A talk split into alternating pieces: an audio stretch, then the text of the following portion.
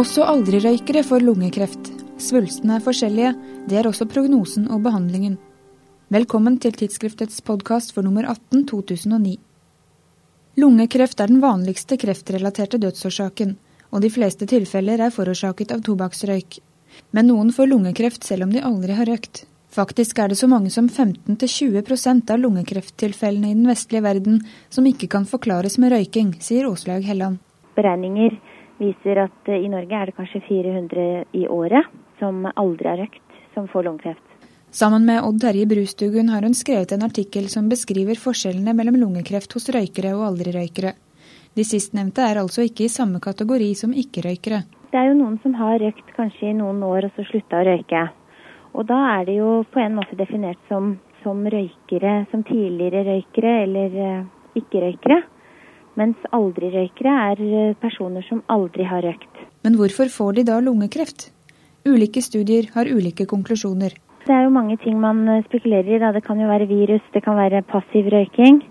I Asia er det snakk om matos som en risikofaktor.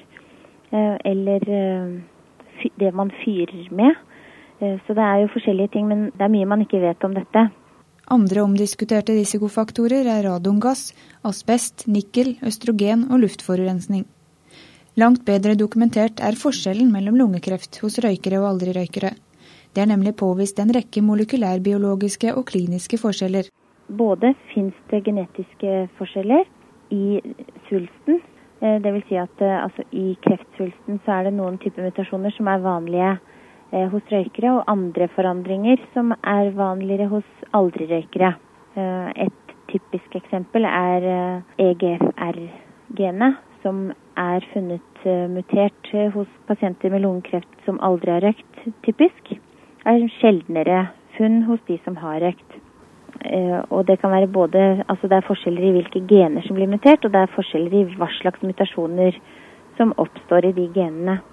Så det er, eh, det er jo ting som tyder på at eh, de genetiske forandringene man finner i svulstene, har noe med hvordan svulsten oppstår å gjøre. Mer og mer forskning tyder også på at dette har store konsekvenser både for prognose og behandling.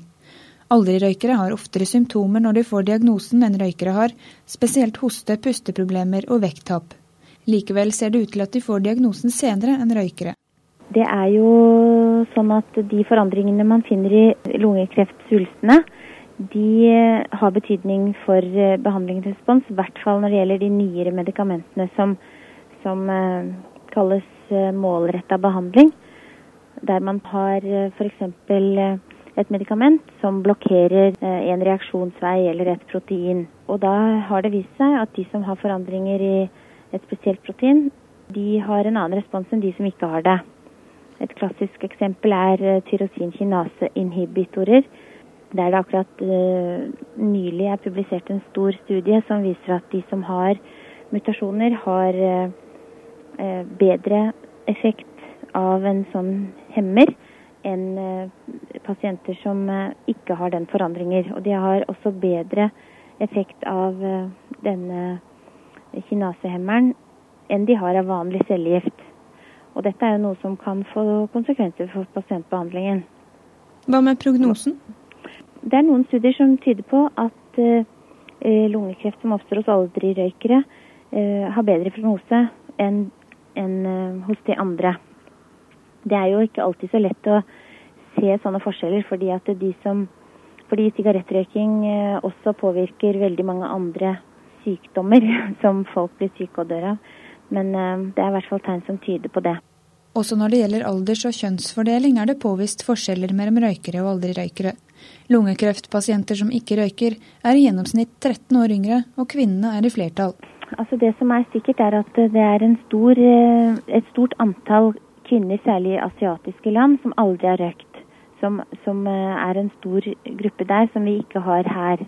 Og da er jo der man har snakka om f.eks. matos og det man fyrer med der. Vi har jo en del pasienter i Norge også som er veldig unge når de får lungekreft. Det er jo heldigvis sjelden. Men, men, da kan man jo også tenke seg at det er noen som er genetisk disponerte for å, for å få det. At kanskje noen har uh, høyere risiko enn andre. Selv om man ikke har funnet noen uh, klare gener som uh, man vet påvirker denne risikoen. Du kan lese mer om lungekreft hos aldrirøykere i tidsskriftet nummer 18.